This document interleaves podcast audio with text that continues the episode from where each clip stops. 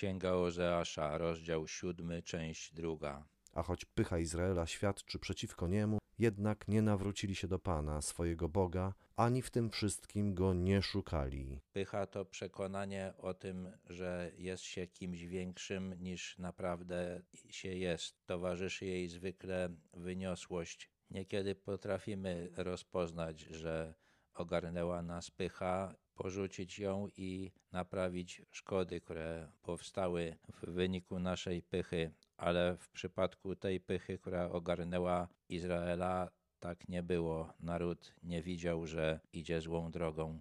I trwało to przez długi czas. I Efraim stał się jak gołąb, głupi i nierozumny. Wzywali Egipt i udawali się do Asyrii. Skutkiem tej pychy Izraela, czyli Efraima, była głupota, która ogarnęła naród i która objawiała się także w prowadzeniu głupiej polityki zagranicznej. Królestwo Izraela zawierało sojusze z Egiptem i z Asyrią, zamiast oprzeć się na Bogu. Gdy tak chodzą, rozciągam nad nimi swoją sieć. Ściągam ich w dół jak ptactwo niebieskie. Łapię ich, gdy słyszę ich stado. Izraelici uważali, że zawierając sojusze z pogańskimi mocarstwami, tworzą fundamenty swojej wspaniałej przyszłości, ale Bóg przez Ozeasza zapowiadał, że obróci te sojusze przeciwko nim. Staną się one pułapką dla Izraelitów. Biada im, że uciekli ode mnie. Grozi im zguba,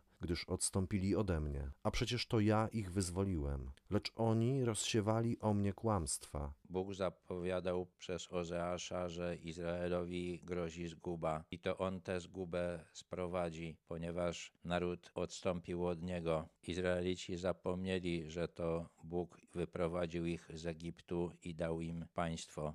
Bóg zarzucał im też, że rozsiewają o nim kłamstwa. Jeżeli ktoś żyje w grzechu, to zaczyna okłamywać samego siebie. Wmawia sobie, że Bóg jest inny niż naprawdę jest, bo tylko wtedy może wierzyć w to, że jego grzech nie jest taki straszny. Podobnie postępował naród izraelski i potem to fałszywe wyobrażenie Boga przekazywał innym narodom i nie wołają do mnie szczerze, lecz krzyczą na swoich łożach, nakłuwają się z powodu zboża i wina i odstępują ode mnie. Nakłuwanie ciała nigdy nie było nakazane przez Boga. W ten sposób Izraelici starali się zjednać przychylność jakichś bożków. Także udawali, że wierzą w prawdziwego Boga, ale gdy chodziło o sprawy, które ich naprawdę obchodziły, czyli na przykład plonów zboża i wina, to wzywali pomocy różnych bałwanów zamiast prawdziwego Boga. To pokazywało, że odstąpili od Niego. A ja przecież wzmacniałem ich ramiona. Oni zaś źle myśleli o mnie. Izrael zapomniał o swojej przeszłości, zapomniał o tym, jak Bóg pomagał im, kiedy wołali do Niego. Wierzyli, że ich Bóg im nie pomoże, a pogańskie bożki pomogą, czyli o swoim Bogu myśleli źle. Zwracają się do Baala, stali się jak łuk zawodny.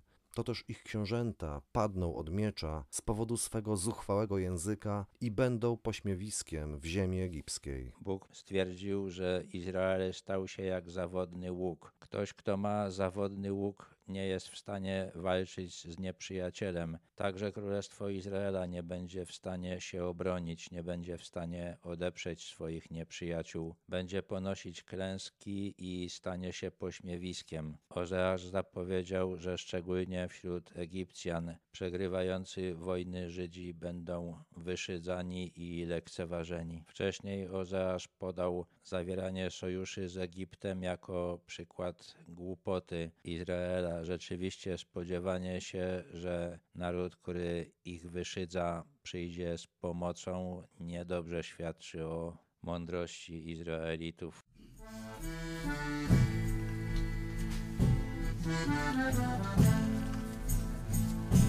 Oddajmy dziś, oddajmy dziś wiecznemu Bogu cześć.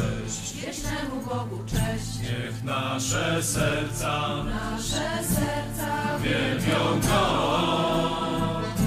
On stworzył niebiosa, On utwierdził ziemi krąg.